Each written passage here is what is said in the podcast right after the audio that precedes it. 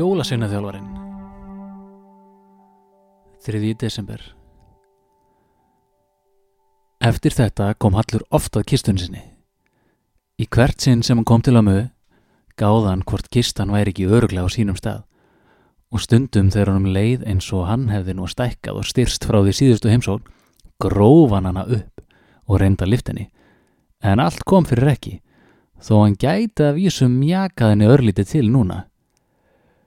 Þegar hann gekk um fjöruna og fann eitthvað hart viðkomu undir skónum sínum, lift hann fætunum og vonaðist til að undir lægi líkill. En það gerðist aldrei. Það var oftast grjót og ef það var ekki grjót, var það rusl. Árin liðu og hann var einu sinni sem oftar komin í jólafrí og stattur ofan í nýgrafinni hólu í fjörunni fyrir neðan ömmubæ. Hann horði á kistuna sína. Það var stundum óttalegt bras að grafa svona í kuldanum, en sjórin sá yfirleitt til þess að sandurinn var ekki alveg gatt frosinn. Hallur hafði stækað. Nú náði kistan honum bara rétt upp fyrir nýja. Sólinn skein og þó það væri kalt var sjáarlottið myllt og tært. Yfir fjöruborðinu flöguruðu nokkrir gaggandi mávar en að öðru leiti heyrðist ekkert nemas friðsæll sjávar niðurinn.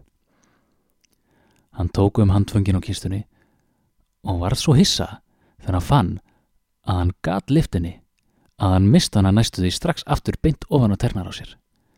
Hann hlammaði kistun upp á hólubrúnina og dró hana svo með erfiði smunum í áttað ömmabæ. Amma er örgla að horfa sjómarfið og tekur ekki eftir mér. Ég fel kistun einhverstaðar þanga til hún er sopnuð.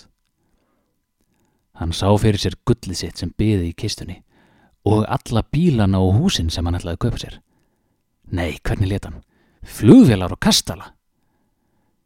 Sjórin og fjaran voru að baki. Hann dró kistun áfram. Svo kom örlítill graspali sem var reyndar ekkert grösugur núna svona að vetri til. Hann leiti upp. Ömmu bær var skamt undan. Fyrir aftan bæin var svo lítið tún sem breytist svo í brekku aðeins lengra og þar sem brekkan endaði tóku við tvö fjöll sem gnæfðu yfir bænum. Amma hafði oft sagt honum hvað fjöllin héttu en hann myndi það samt ekki. Hann var alveg að verða komin. En ó nei! Hann leita aftur á ömmubæ.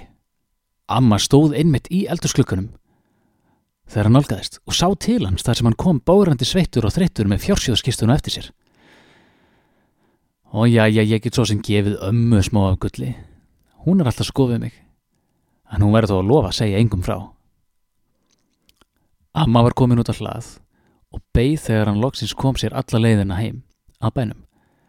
Hún leita á fjársjóðskistuna og eins og hann hafði búist við áttu hún ekki til eitt aukatekið orð. Hann var að springa úr mondi og hún örglaði líka. Það er ekki allir barnabarn sem á fjársjóðskistu. Hvar fannstu þetta eiginlega? spurði amma hissa. En svo var það hann sem var aldrei sissa þegar amma kvarfin í húsið og kom aftur stuttur senna með likil. Og þegar amma stakk liklinum í skráakantið og opnaði kistuna var það hann sem átti ekki auka tekið orð. Hann stóði við hlið ömmu sinnar og leitt ofan í fjársjóðskistuna sína. Það var ekkert gull ofan í henni og engir demantar eða eðalsteinar. Hann sá hálf klárað lópapissu, nokkar garn nikla, úrval prjóna og litla sultukrukku fulla af alls konar tölum og nöppum.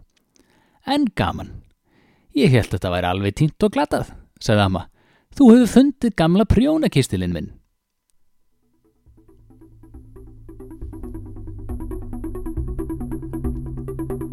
Fluttur var þriðjikapli jóladagatalsins um jólasennaþjálfaran eftir Egil Haldarsson. Þykist útvarpið 2021